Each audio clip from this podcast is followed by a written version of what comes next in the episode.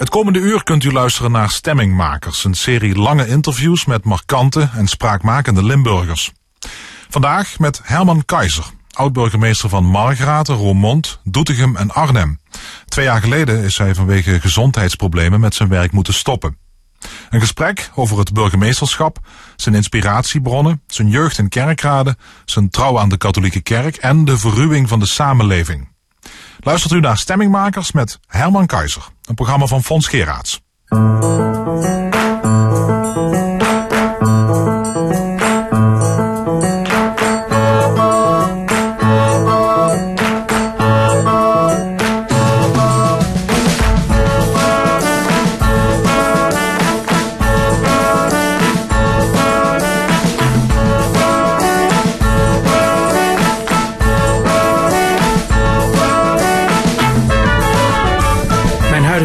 Stemming is uh, heel uh, positief. Uh, ik heb weliswaar een knieoperatie ondergaan en ik denk heel veel aan mijn knie. meer dan mijn lief is. maar goed, daar moet ik geduld bij hebben. Dus dat is één ding, geduld hebben. Maar van de andere kant, ehm, ik hoop dat ik het ergste gehad heb. Ik heb er ook wel, ehm, wel last van gehad. Um, maar ik kan weer lezen en studeren. Dat vind ik heel belangrijk. Ik ben bezig met een promotieonderzoek. Mooi. Alleen die vervelende knie, u bent eraan geopereerd. Uh, wat, is er mis mee? Nou, het kraakbeen was op. En ik had tien jaar geleden al een, voor de tweede keer een inkijkoperatie in de knie gehad. En toen zei die specialist, die zei van, dit gaan we geen derde keer doen. Want de derde keer betekent dat een nieuwe knie. En dat heb ik zo lang mogelijk uitgesteld. En vorig jaar najaar, toen ben ik verwezen naar het ziekenhuis. En toen zei de uh, orthopeed die zei van ja, maar we gaan niet zomaar met een nieuwe knie beginnen. Dus dat krijg je eerst pijnstillers en spuitjes. En als het allemaal niet helpt, dan uh, kan je komen praten voor een nieuwe knie.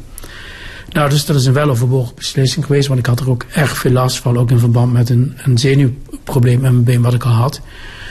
Maar um, ja, die operatie is drie maanden geleden geweest. En, en u heeft nu een hele nieuwe knie? Ik heb een hele nieuwe knie. Uh, en de rest van mijn lijf moet daar nog een beetje aan wennen. En u bent moeten stoppen als burgemeester van Arnhem mm. vanwege die, die zenuwbeknelling. Uh, waar zat die precies? Waar die zat, die dat zit door het hele been. Dat zit van de onderrug tot onder de voet. Dus dat is, uh, mm. ja. En dat is een tijdje minder geweest. Maar dat speelde ook weer op door die knie. En, uh, en nu ook weer. Dus dat is maar, maar, met die aandoening kun je niet werken als burgemeester? U nou, niet. Wat ik had was, nee, dat was uh, heel ingrijpend. Dat ik heb twee keer geprobeerd terug te komen. Toen heb ik een second opinion in Nijmegen gehad. En die zei van, dat betekent dat... want ik, ik werd daar gewoon heel dizzy van. Dus dat betekende dat je gewoon uh, ja, nul energie had. Ja. En u moet oppassen, heeft u een keer gezegd, want ik heb een neiging tot onmatigheid. Ja, en dat, dat, die les heb ik wel, wel geleerd. Uh, maar ik merk dus wel, als ik uh, bijvoorbeeld aan het schrijven ben... en je bent net lekker bezig... Uh, ik ben nu met een promotieonderzoek... dus ik studeer veel en ik, en ik ben nu ook in de schrijffase met veel voetnoten zit ik helemaal ingegraven tussen de boeken. Uh, dat je denkt, ik ben net lekker bezig. Dan ga je net een uurtje te lang door. En als je dan opstaat, dan denk ik, oh ja, dan voel je je helemaal een oude man. Maar boksen, trainingen, dat, dat zit er niet meer in? Dat heb ik wel gedaan. Uh, om, fit te, om fit te blijven. Maar dat, uh, Nee, dat, dat, dat ga ik niet meer doen. Dus dat, nee, weet je, dat als je heel hard werkt en je weet dat je aan je conditie moet werken, dan ga je ook daarin overdrijven. En dan ga je misschien dingen doen die juist niet gezond zijn. Wat heeft u gemerkt van het zwarte gat? Ik heb geen zwart gat. Nee, ik heb het wel uh, jammer gevonden dat, uh, want ik vond het echt uh, een geweldig vak, burgemeester. En ik vond het ook fantastisch om dat in zo'n mooie grote stad, en echt een mooie stad als Arnhem te doen. En uh, dat had ik eigenlijk, uh, ik had al gezegd van ik heb energie om tot mijn zeventigste door te gaan. Totdat bleek dat dat wel erg overmoedig was. En dat ik uh, gewoon ja, toch een beetje te ver was gegaan. maar u heeft momenteel genoeg om handen. U, uw vrouw zegt niet van Herman, ga eens de deur uit. Nou, ze zou me misschien af en toe zeggen van ehm, kon die jongen maar wat meer de deur uit. Maar ze moedigt me wel aan om niet te veel hooi op de vork te nemen. Omdat ik uh, gewoon ook mijn, uh, mijn rustmomenten moet, uh, moet pakken. Dus ik ben niet iemand die aangemoedigd moet worden om, om, om actief te zijn. Het is eerder zo van, is dit nou wel verstandig? Maar als ik het niet doe, want er zijn nu ook mensen die zeggen van ja, je bent ziek enzovoort en je hebt dit en je zit je daarmee te bemoeien en daarmee te bemoeien. Als ik het niet doe, dan um, zie ik de contouren van een zwart gat. Dus ik wil wel midden in de samenleving blijven staan. Waar bent u op dit moment het meest enthousiast over in uw leven? Over het leven zelf. En dat klinkt misschien een beetje pathetisch. Maar als ik mijn kleindochter, Ise heet ze. Ze wordt in oktober twee. Als ik haar zie, ik observeer haar ook heel erg. En dan zie ik hoe zij van week tot week ehm, verandert. En ehm, hoe het leven eigenlijk een wonder is. Dat zie je als baby. Maar uh, veel meer uh, dan dat je dat als je zelf vader wordt, wat natuurlijk een groot moment is en om een keer in je leven als je dat uh, wordt. Zeker in de omstandigheden waar dat bij ons mee ging met het, met het, met het ziekenhuis lang gelegen. Drie maanden in het Juliana gelegen en daarna onze dochter Marie. Maar weet je, dat is zo'n wonder van het leven. En als je dat dan bij je kleinkind ziet. Ja, dat, dat vind ik gewoon iets fantastisch. En ik uh, moet wel een beetje glimlachen. Omdat toen wij in Margaten begonnen in 86 als uh, burgemeesters-echtpaar. Um, toen kregen we altijd bij burgemeestersbijeenkomsten de foto's van de kleinkinderen te zien. Ik was de jongste lange tijd. En nu doe ik dat zelf. En heb ik ze op de telefoon staan. Dus dat, ja, en ja, dat vind ik eigenlijk het mooiste. En dat geeft mij ook energie om actief te zijn mijn boek wat ik geschreven heb, waar we misschien dadelijk nog over praten, dat is ook opgedragen aan mijn kleindochter. Wat is de mooiste plek op aarde? De mooiste plek op aarde, uh, ja, dat hangt er een beetje van af. Uh, dat vind ik trouwens een lastige vraag als je op zoveel plaatsen burgemeester bent geweest. Um, dan geef je heel gauw een diplomatiek verkeerd uh, Oh, je denkt meteen aan binnen Nederland, aan uw, aan uw uh, oude gemeentes. Ja, nou ja, dus, want ik heb, ben niet een echte wereldreiziger. Want, uh, wij vliegen ook niet zoveel. Dat, niet zozeer alleen uit principe, maar ook omdat mijn vrouw liever niet vliegt. Um, maar ik vind de mooiste plek op aarde eigenlijk de plek waar je, waar je je thuis voelt. En je voelt je niet uh, thuis alleen maar op een bepaalde plek. Maar dat heeft vooral te maken met uh, waarmee voel je je verbonden. Voel je je met mensen verbonden. En ik heb een, uh, een heel bijzonder gevoel. Als je dan zegt van is dat toch een mooiste plek. dat is de abdij van de Slangenburg in Doetinchem. En ehm, dat als je daar naartoe gaat. Dan, dan kom je, je moet door het bos over een, over een laan. En uh, dat is voor mij wel een hele bijzondere plek. Maar dat staat ook niet alleen maar voor die plek, omdat die van een ongekende schoonheid is. Maar ook van wat daar gebeurt. Ik bedoel, Mamelis vind ik ook heel mooi. Dat vind ik ook een bijzondere plek. Um, maar het is niet zo dat ik alleen maar kloosterplekken mooi vind. Ik vind... Uh, ik geniet ook van, uh, van de tuin. Uh, maar ik, en ik kan ook uh, gewoon ervan genieten om met mensen in een in een cafeetje samen wat, wat, wat te drinken. Want het gaat vooral om van het, het samen zijn.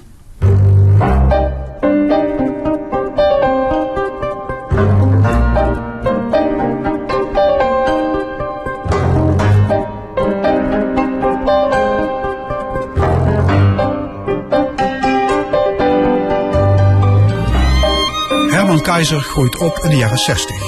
In Spekholzerheide, gemeente Kerkrade onder de rook van de toen nog volop draaiende Willem Sophia kolenmijn. Hij is de oudste van zeven kinderen. Het gezin woont boven de bakkerij van zijn grootvader, een Duitser.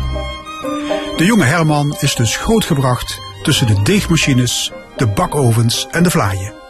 Ik uh, ben eigenlijk uh, gewoon van uh, de vroege ochtend om vier uur als de machines werden aangezet. Dat, dat zit helemaal in mij geprogrammeerd, de geluiden van de bakkerij gecombineerd met de geluiden van de mijn, wat je in Spekkelsrijden ook had. En uh, nou, ik ben dus in een welvarend mijnwerkersdorp opgegroeid. Met uh, veel mooie winkels, zelfs een warenhuis van de familie Stoelinga, de Magneet.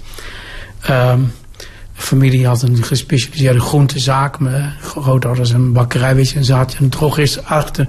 En alles was er. Ehm, nou, en toen de mijne ging, ging sluiten, de Wimse Veer dichtging, toen was dat een geweldige klap voor uh, en omgeving. En er komt ook nog bij dat dat net was met uh, het Vaticaans Concilie. Dus dat alles in de kerk werd gedraaid. Dus alle dingen veranderden op alle fronten in één klap tegelijkertijd. Dus eigenlijk de hele Oostelijke Mijnstreek werd, werd ontwricht. Um, toch heet het boek van Marcia Luiten, u heeft het ongetwijfeld gelezen, Het geluk, het geluk van Limburg.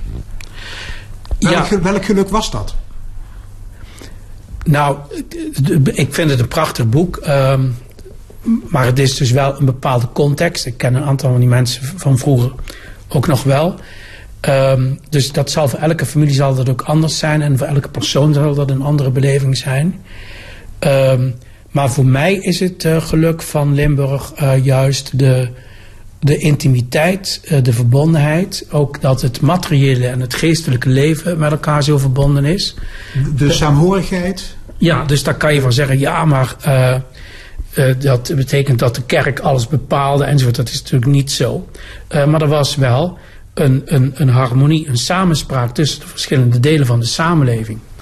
En dat, daar kan je verschillende sociologische interpretaties op loslaten. Social engineering noemen ze dat wel eens, hè? Ja, en in zekere zin is het feit dat, ik heb me dat nooit gerealiseerd als kind, dat de Patronaatstraat de Patronaatstraat heet en de Kerkstraat de Kerkstraat en de Groene Kruisstraat de Groene Kruis. Alles was geordend Um, pas later begrijp ik dat dat ook onder invloed van het katholiek sociaal denken is geweest. En wat ik wel eens een keer uh, zo hoor, ook als ik bepaalde politici van bepaalde partijen over uh, de tijd van uh, zeg maar de eerste helft van de vorige eeuw hoor praten, dan is het alsof de kerk alles heeft onderdrukt. Terwijl juist de katholieke kerk met de sociale leer ook een buitengewoon emanciperende en bevrijdende beweging is geweest. En dat mag ook wat vaker nog gezegd worden. Over de kerk gesproken, uh, in de tuin van uw grootvader was een grot van Lourdes nagebouwd. Waarom had hij dat gedaan? Mijn opa heeft in de loopgraven de belofte gedaan. Als ik hier levend uitkom, dan ga ik ooit een uh, bouwen als ik me dat kan veroorloven.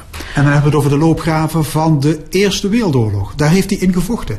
Dan hebben we het over uh, de loopgraven van Noord-Frankrijk, waar hij als Duitse soldaat uh, ja, gelegerd was, ja. En die oorlog heeft hij dus kennelijk overleefd? Ja. Maar er is ook nog een soort mirakel gebeurd, hè?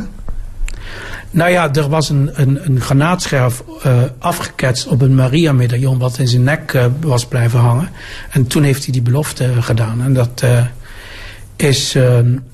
ja, dat heeft Anders hij... was hij, was hij gestorven waarschijnlijk. Ja, dat, dat denk ik wel. In ieder geval, dat is het verhaal wat ik uit de overlevering ook gehoord heb. En dat nou, daar werd in de familie natuurlijk ook over gesproken. En dat je zo'n um, zo'n Lourdeschot uh, hebt. Dat waren overigens meer mensen die dat, die dat deden, heb ik later gehoord. Maar um, ja, vooral toen uh, die tuin, uh, die achtertuin gesloopt moest worden... omdat de gemeente Kerkrade het Carbonplein ging aanleggen. Um, en je ziet dan later dat Mariabeeld in een schuurtje terugkomen...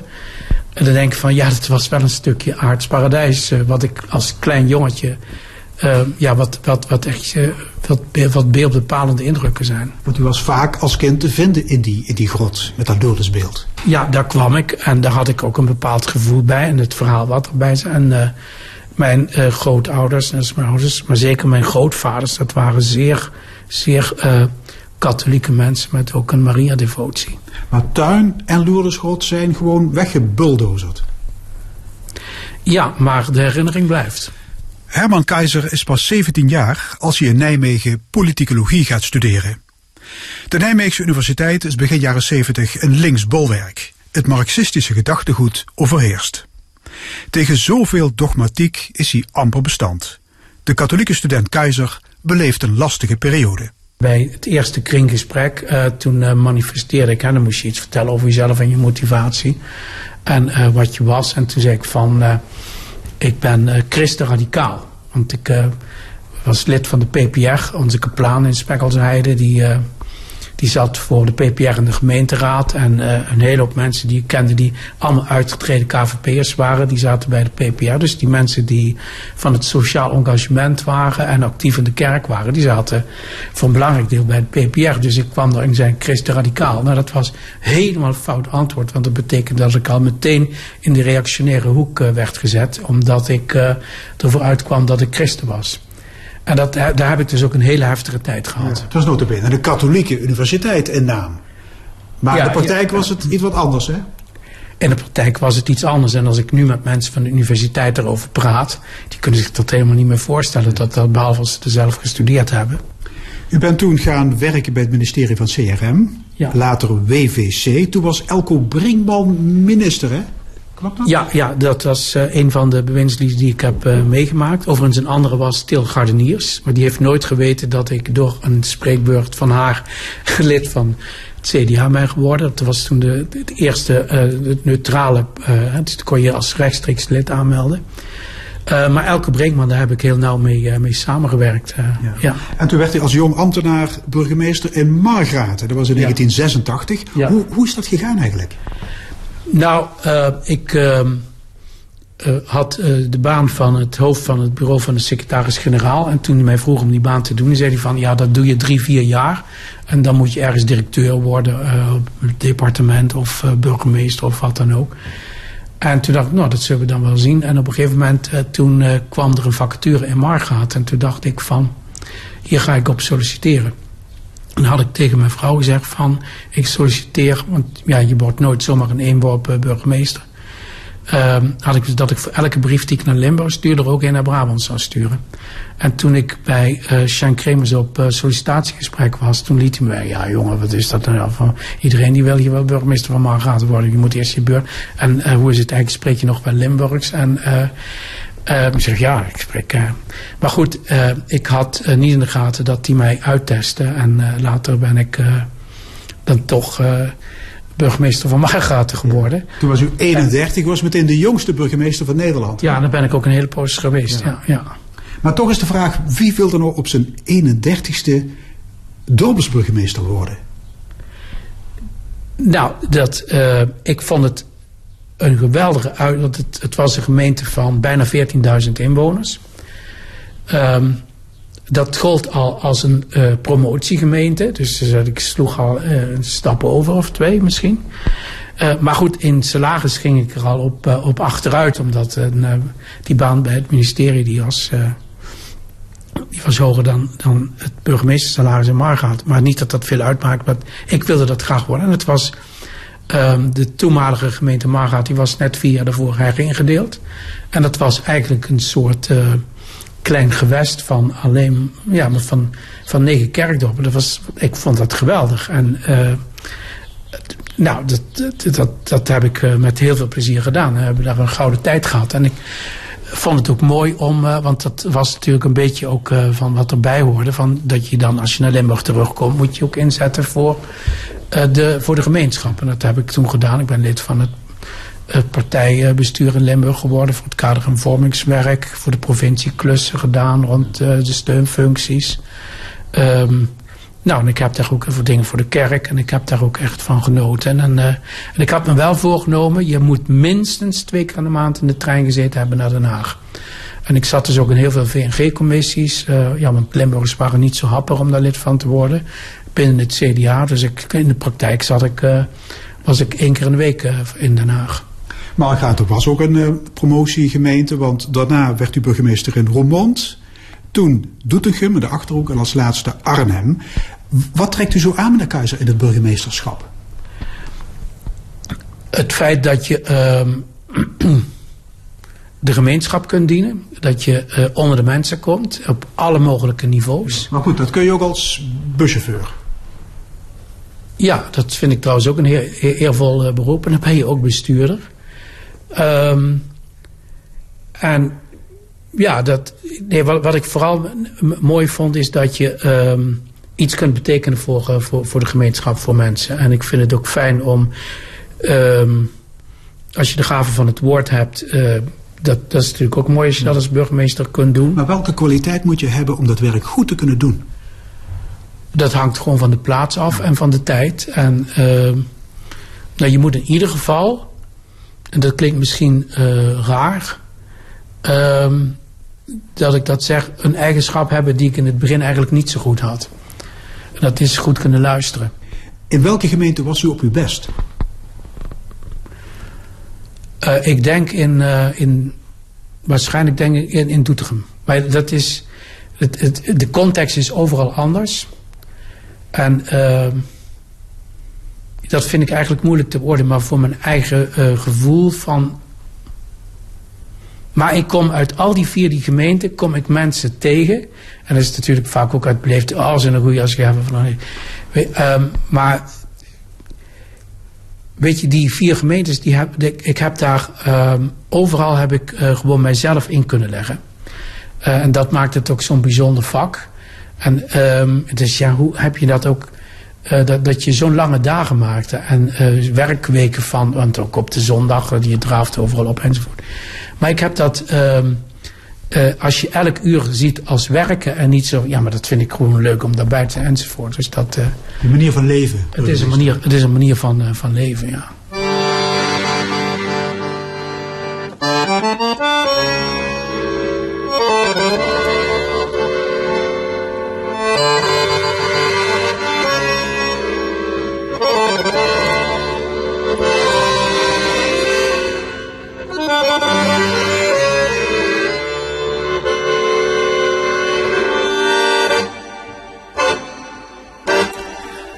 Van jongs af aan speelt het geloof, het Rooms-Katholicisme, een voorname rol in zijn leven. In zijn boek In Waarde Verbonden gaat hij uitgebreid in op de sociale leer van de kerk, op solidariteit, naaste liefde, renmeesterschap en gemeenschapszin. Veel mensen, ook in Limburg, hebben de kerk de rug toegekeerd. Waarom heeft Keizer de kudde nooit verlaten? Omdat dat uh, nooit bij mij is opgekomen ik heb als kind heb ik uh, ervaringen opgedaan uh, rondom het uh, geloof die zo intens zijn. bijvoorbeeld ook rond de voorbereiding van de eerste communie en zo. De, dat dat iets is wat heel diep in mij zit. En ehm, dat wil niet zeggen dat ik mijn verstand niet gebruik. want ik ben voor mijn proefschrift zit ik al een jaar heel diep in Augustinus. En hoe meer ik dat bestudeer, hoe ingewikkelder dat ik het vind. En dat er ook dingen zijn die van, ja, die zijn toch moeilijk uh, om uit te leggen. Dus uw geloof wordt ook wel eens op de proef gesteld? Ja, maar als je geloof niet op de proef wordt gesteld, dan kan je het geloof niet behouden. Want je wordt elke dag, ik zie je even denken, maar uh, je geloof wat, uh, moet op de proef worden gesteld, uitgetest om, om authentiek te zijn. Want als geloof is van. Ehm, ik heb een formule, die heb ik in een boekje staan. En als ik het niet meer weet, dan prent ik me dat zelf nog eens een keer nieuw in.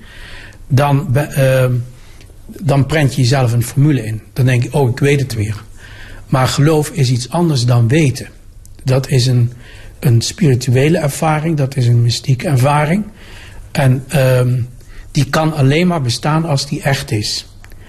En als je uh, elke dag opstaat en zegt van oké, okay, het is weer vandaag precies hetzelfde als gisteren, als je dat niet elke dag opnieuw doorleeft en doordenkt. Dus je wordt ook geconfronteerd met gebeurtenissen, dingen die in de wereld gebeuren, die om je heen gebeuren. Uh, filosofische vraagstukken, bijvoorbeeld de predestinatie die bij Augustinus zit. Dat snap ik dus niet. Dat, en dat past ook niet bij het geloof. He, de katholieken en protestanten hebben daar ook verschillende interpretaties van. Uh, dat vind ik dus ingewikkeld. En er zijn ook um, uh, vragen. Maar goed, dat zijn meer morele, filosofische, filosofische ja, vraagstellingen. Maar, maar wat gelooft u precies? Het woord precies uh, kan je dus niet zeggen je gelooft. En als je zegt wat je precies gelooft, dan ga je het weer in de formule stoppen. Maar ik geloof dus wel in, uh, in het bestaan van God. Uh, ik geloof ook in de verlossing door, uh, door Christus. En ik geloof in de opstanding van Christus. Dus de kern van mijn geloof is um, het verhaal van Pasen. En waartoe zijn wij op aarde? Ja, die vraag is dus om hier en in het hiernamaals uh, gelukkig te zijn en God te dienen. Dat laatste wordt er vaak niet bij verteld, maar dat hoort er ook bij. Ja, ik ben uh, Ger Kokkelkorn en ik heb uh, Herman Keizer leren kennen toen ik in uh, Spekkelzerheide, Kerkrade West, op uh, vrijersvoeten was bij de familie Hanze. Die hadden een groentezaak en die hadden kindertjes. En daar was ook een, ja, wat is het, een, een achterneefje. En die kwam daar spelen, Herman Keizer. Dus ik heb hem eigenlijk al vrij vroeg leren kennen, naderhand. Kijk, wie ben ik? Ik ben hier burgemeester geweest in uh, Meersen. Ik ben gedeputeerde voor cultuur geweest uh, bij de provincie Limburg. En ik ben leraar wiskunde geweest.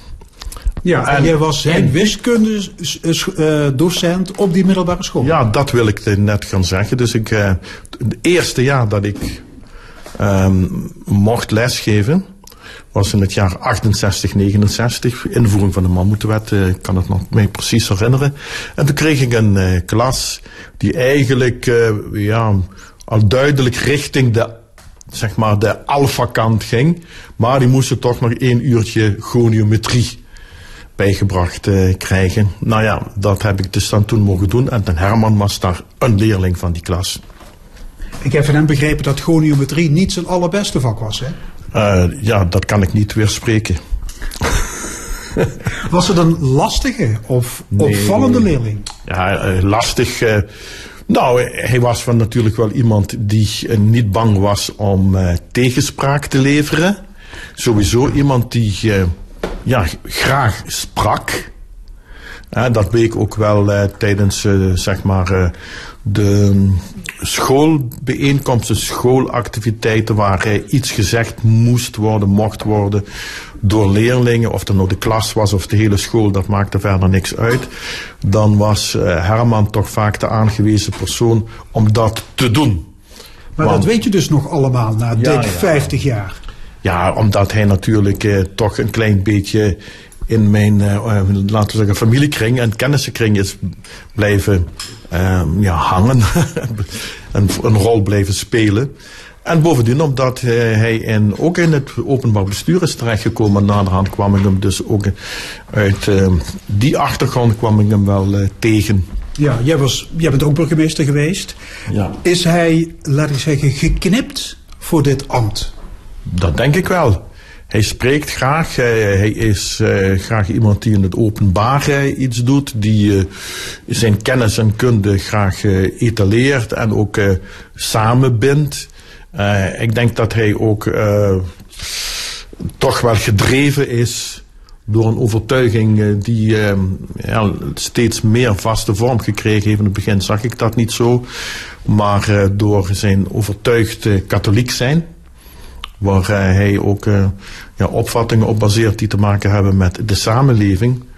En dat uh, wanneer hij de kansen daartoe kreeg, liet hij dat ook wel blijken. Ja, hij is heel erg van het nobelschap, hè? van de ja, sociale van, cohesie, van de verbinding. Ja, nou ja, dat, dat, dat is uh, de ecclesia, de kerk, hè, is dus ook een gemeenschap. En uh, ja, ik, hij zal, dat weet ik eigenlijk niet. Ik heb na de hand nooit diepgaand met hem gesproken. Wanneer we elkaar tegenkwamen, werden wat uh, opmerkingen uitgewisseld. De laatste tijd bijvoorbeeld over uh, Augustinus, de Civitate Deo, die hij aan het bestuderen is. En waar hij kennelijk een proefschrift over wil schrijven. Voor middeleeuwse theologie. Nou ja, dat heb ik ook wel eens gelezen. En dan werden wat vlijmscherpe um, opmerkingen uitgewisseld. Wat is uh, al met al het meest typerende aan Herman Keizer? Ja, dat hij een soort uh, prediker is. Hè? En dat hij dat niet doet aan de hand van uh, losse voorvallen. Maar probeert zijn opvattingen over hoe, wat de plek van de mens is in de schepping. wat de rol van de samenleving is. Hoe de mens in die samenleving een plek kan krijgen of vinden. dat doet hij in een samenhang. Daar heeft hij redeneringen voor. Hij is dus laat. Kijk, vroeger werd wel eens gezegd, zo de oude KVP en het begin de CDA ook nog, dat ze deden aan uh, casuïstiek, hoe het net zo uitkwam. Hè? Dus wat het handigste was voor deze of gene, dat doen we dan maar. Ook al past het misschien niet helemaal in de ideologie. Maar uh, ik denk dat Herman altijd probeert het toch te grondvesten, te beargumenteren vanuit een samenhangend mens- en wereldbeeld. Aldus oud-PVDA-bestuurder Ger Kokkelkorren. Het morele kompas van Herman Keizer is gebaseerd op het gezegde... Wat gij niet wilt dat u geschiet, doe dat ook een ander niet. Geen tegeltjeswijsheid, zegt Keizer, maar de essentie van de meest elementaire beschaving. Maar de verruwing van de samenleving, de opmars van de brutale en de onverschillige, is ook hem niet ontgaan. Geen wonder dat hij pleit voor meer hoffelijkheid. Niet als simpele etikettenregel, maar als levenskunst. Herman Keizer. Absoluut, ja. ja. En de hoffelijkheid is uh, vaak ver te zoeken. Kijk maar wat er in het uh, verkeer gebeurt. En, um, Opgestoken middelvingers. Ja, maar ook het, gewoon het rijgedrag van het, uh, iedereen sluit zich op in het blik en denkt de wereld is voor mij. niet iedereen, maar heel veel mensen die hebben daar wel last van dat, dat, dat er zo'n bijna agressieve sfeer heerst. Zo van eerst kom ik en ik kom eraan en ga maar opzij. En dat kan ook intimiderend werken. En dan krijg je een klimaat van dat mensen, uh, de een is offensief, agressief. En de ander wordt daardoor geïntimideerd en gaat in zijn schulp kruipen. En dan krijg je een samenleving waarin uh, de brutale voor het zeggen krijgen. En de mensen die bang zijn, die uh, trekken zich uh, achter de voordeur terug. Dat is niet waar we naartoe willen. En gelukkig begint dat besef door te dringen. Dat als wij uh, willen samenleven, gemeenschap willen bouwen, dan betekent dat dat we wel met elkaar in gesprek moeten zijn en dat we ook op een bepaalde manier met elkaar om moeten gaan. Heeft u enig idee hoe dat gekomen is? Daar kan je van allerlei uh, theorieën op uh, loslaten. het heeft in ieder geval ermee te maken dat ehm, er een cultuur is van dat we ehm, zeggen van, ja, waar bemoei jij je mee?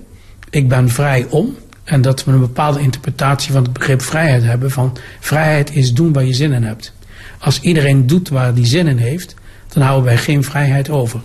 Vrijheid betekent dus ook dat je met elkaar afspraken maakt van uh, hoe willen wij het met elkaar geregeld hebben. En die afspraken die leg je vast. En die leg je bijvoorbeeld ook in wetten vast. En wetten zijn afspraken die je als samenleving maakt. Dit is de manier waarop wij met elkaar willen omgaan. En daar hebben we met z'n allen hebben we daar belang bij. Dat is het algemeen belang.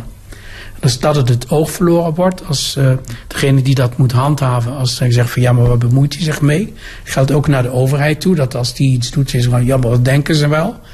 Maar ze is wel wij in een democratie. En vandaar dat ik ook 75 jaar bevrijding zo belangrijk vind. Uh, om te herdenken van hoe kostbaar is die vrijheid eigenlijk en wat is de essentie van vrijheid.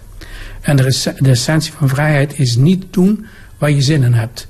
Dat is dat jij kunt zijn wie jij bent, die je graag wilt zijn, maar wel rekening houdend met anderen, want die ander heeft datzelfde recht om ook zichzelf te zijn. En bij zichzelf zijn hoort ook altijd verbondenheid met een ander. Want de mens is uh, uh, schapen als een uh, om het heel deftig te zeggen, een relationeel wezen. Je kunt ook zeggen, uh, de mens is gewoon een sociaal dier.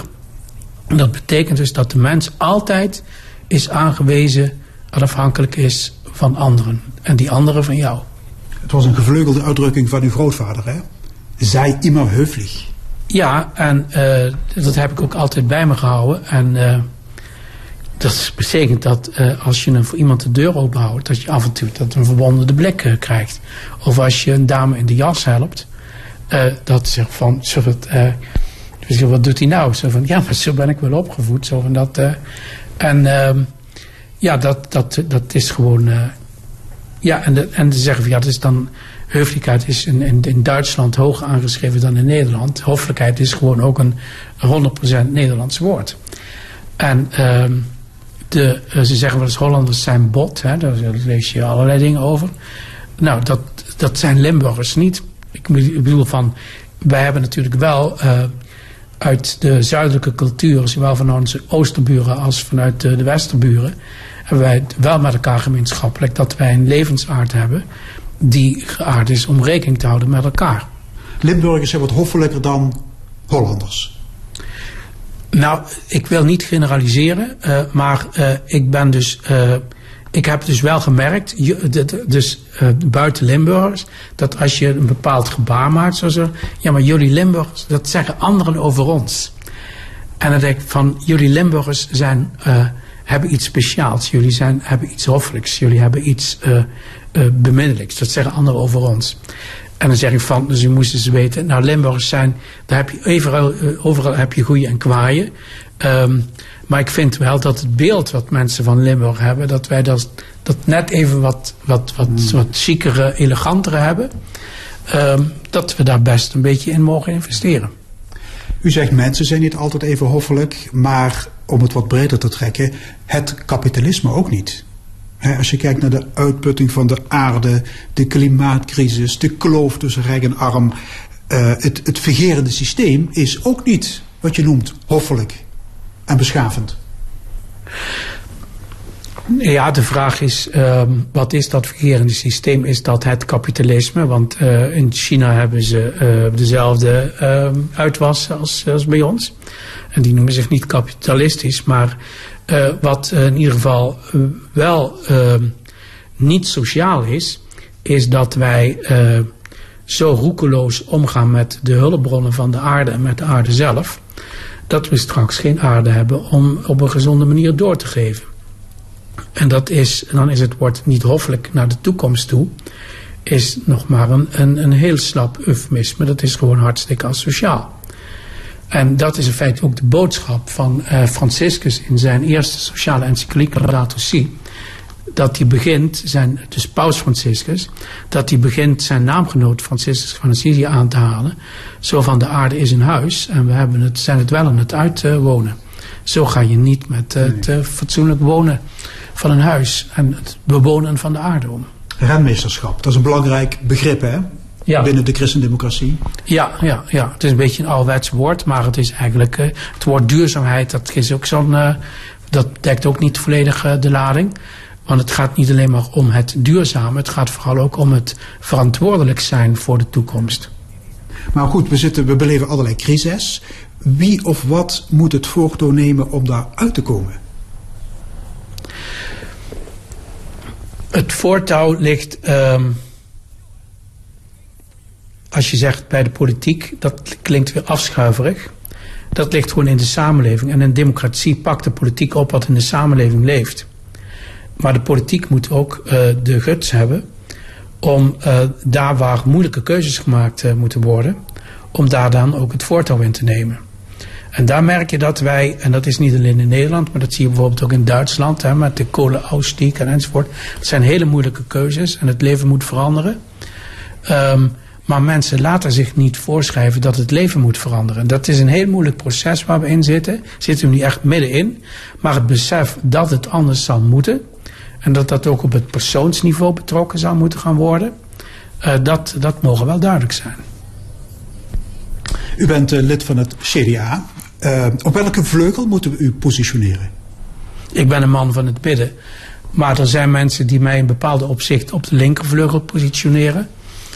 En anderen die mij op de rechtervleugel positioneren. Hmm. Maar ja goed, als je uh, beleidend katholiek bent, denken mensen, oh die zit aan de rechtervleugel. Maar dat is natuurlijk een misverstand. En, en bovendien toen Buma een lezing hield waarin hij het opnam voor de boze burger, hè, wiens baan wordt ingepikt door migranten, toen heeft hij een kwaaie ingezonden brief gestuurd naar de krant. Ja. Want u vond dat u moest reageren. Voor het, voor het ja, en dat heeft, heb ik ook in het boek uh, verwoord. En uh, daar heb ik ook pleit voor uh, de middenkoers. Ja. En uh, nou, dat is inmiddels is dat ook uh, gebeurd. Ik zeg niet dat het door mij komt of door het boek. Maar ik weet in ieder geval al dat uh, een aantal mensen mijn boek wel gelezen nee, hebben. Oké, maar u was een van de weinigen die het aandurfde om Buma te kritiseren. Voor de rest bleef het toch heel erg stil. Ja, dat, dat is zo. En dat betekent dus dat ik, ondanks dat ik ehm, dat ik ziek was en me een beetje gedijs moest houden, dat ik uh, toch in de pen ben uh, geklommen. Want ik, ik lag er gewoon s'nachts wakker van. Want u vond dat het CDA onder Buma te veel naar rechts opschoof? Nou, in ieder geval die, die schoollezing die hij gehouden heeft, uh, dat, dat, dat, dat, dat, dat, dat, dat ging op een bepaalde manier ging dat te ver. Populistisch. Ja, je moet uh, de mensen niet achterna lopen omdat ze boos zijn. Maar je moet begrijpen waarom ze boos zijn. Maar dan moet je vooral als partij je eigen boodschap hebben van wat jij vanuit jouw gedachtegoed daaraan denkt te kunnen gaan doen. En uh, dan denk ik dat uh, het christelijk sociaal denken, dat dat toch de dominante factor ook binnen de christendemocratie moet zijn. Buma is weg. Moet het CDA terug naar het midden? Het naar het radicale midden? Nou, het wordt radicale midden is ook zo'n. Maar wat in ieder geval, het CDA is uh, terug naar het midden. En ik voel me daar op dit moment, zoals dat uh, in het land gaat, voel ik me daar uh, senang bij. CDA-prominent Keizer is wars van populisme. Principes, knopen durven doorhakken en oog hebben voor de toekomst. Dat is essentieel in de politiek. We komen te praten over het Limburgse provinciebestuur. Wat vindt hij ervan dat zijn partij, het CDA, in zee is gegaan met PVV en Forum voor Democratie? Nou, laat ik er dit van zeggen. Uh, dat ik uh, niet vanaf de zijlijn allerlei dingen wil gaan roepen. Want ik uh, ben de afgelopen maanden vooral met mijn knie bezig geweest. Nee, maar landelijk heeft hij dat ook gedaan met, met Buma. Ja, ja, ja, ja, maar dat heb ik nu niet gedaan, wil je zeggen. Ja, ja. nou, nu moet je zeggen dat de pijn in de knie ook wel buitengewoon hevig was. Um, ja, maar afgezien van de, van de knie heeft u daar ongetwijfeld een mening over. Ja, daar heb ik een mening over. Um, daar heb ik ook vragen over gehad uit het land. Van wat vind je daar nou van? En daar heb ik gezegd, ja... Um, het is een ingewikkelde puzzel. En wat Ger Koopmans heeft gezegd bij de presentatie van het uh, extra parlementaire Limburgse parlement. Ja, dat zijn niet mijn woorden, maar dat wordt gebezigd, deze uh, uitspraak. Dus van de mensen die hier staan, die hebben iets uit te leggen. Maar de mensen die er niet staan, die hebben ook iets uit te leggen. En dat uh, is een beetje toch het dubbele gevoel wat ik erbij heb. Van, um, er zit nou een team is aan de slag gegaan. En als het anders had gemoeten, dan hadden andere mensen een verantwoordelijkheid moeten nemen. Dus ik ben erg benieuwd hoe dat, hoe dat gaat.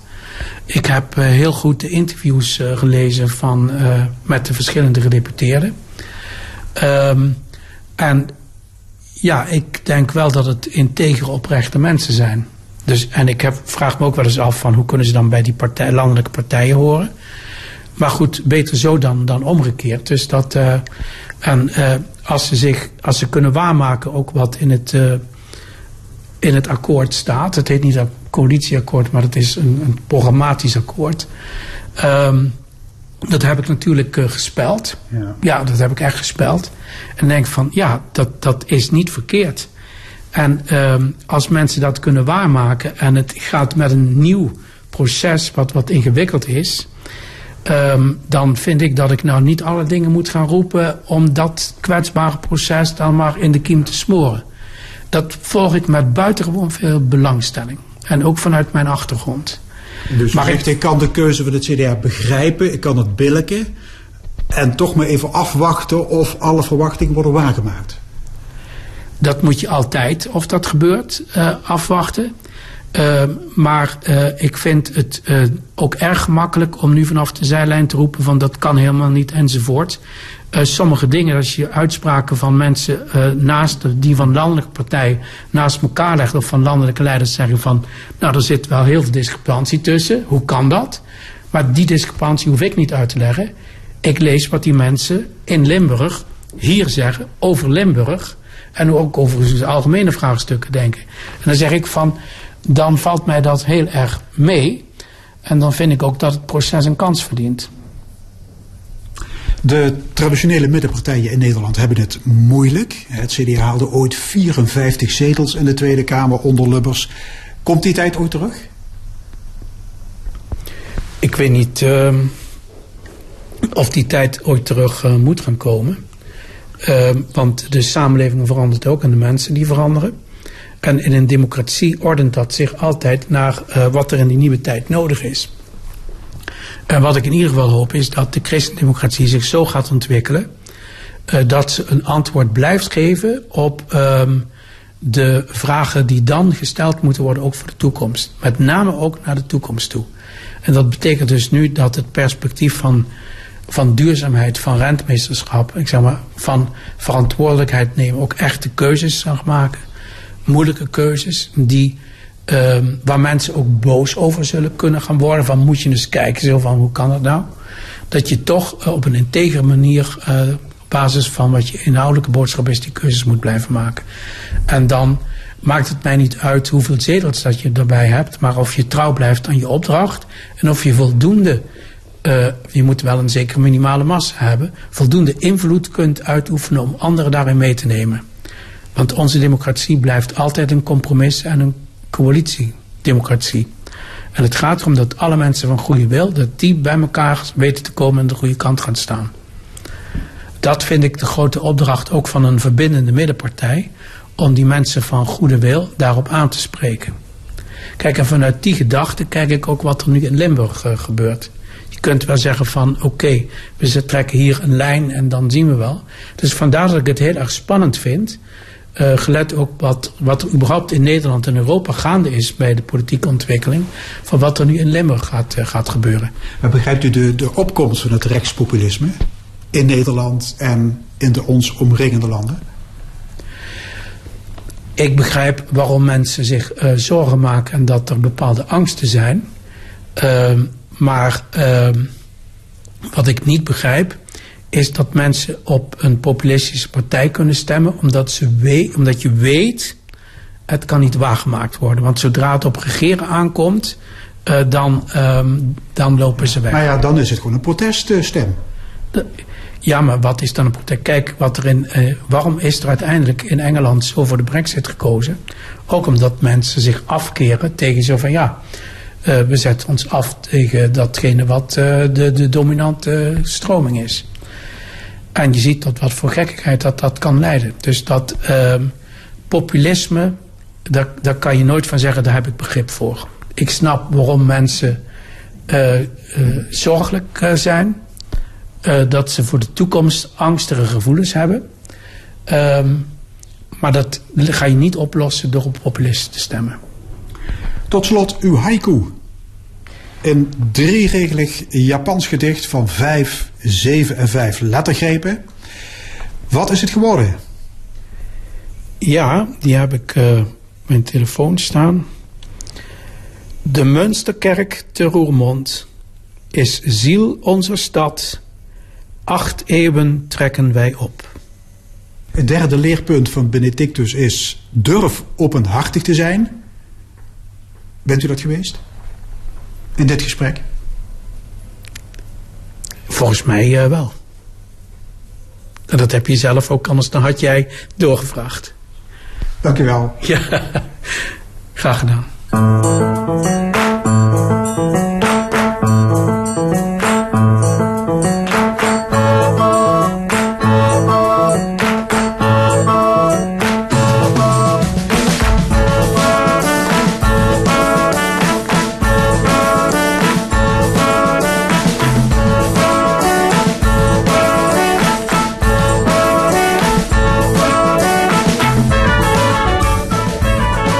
Geluisterd naar Stemmingmakers. Deze keer met Herman Keizer, oud-burgemeester, ooit de jongste van Nederland, CDA-prominent en publicist.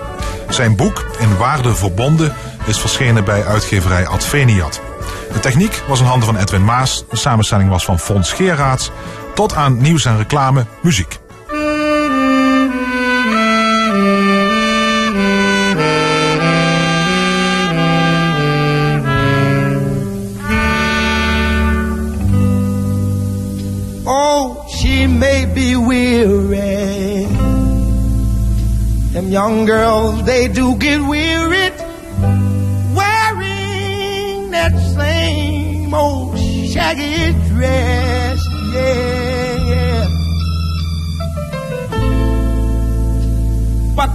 She gets weary, try a little tenderness. Yeah. yeah. Oh, man, that. Mm.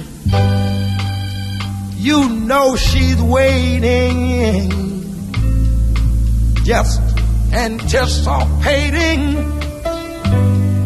for things she'll never, never, never, never forget. Yeah, yeah. But while she's there waiting, and without them, try a little tenderness. That's all you gotta do.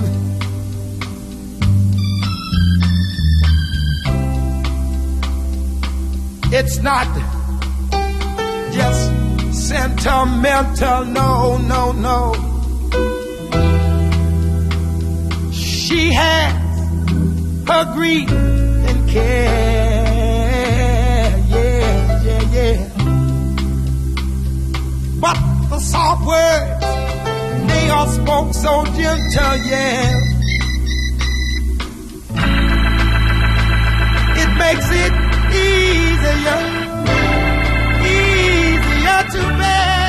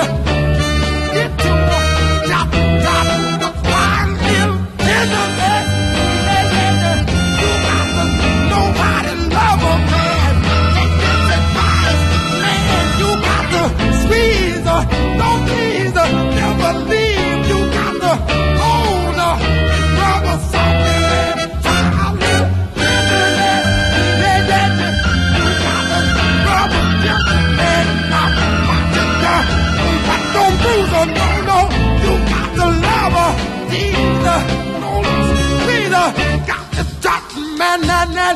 Drop, drop a little tenderness, yeah. What to do? You got to know what to do, man. Take this advice, you gotta love, don't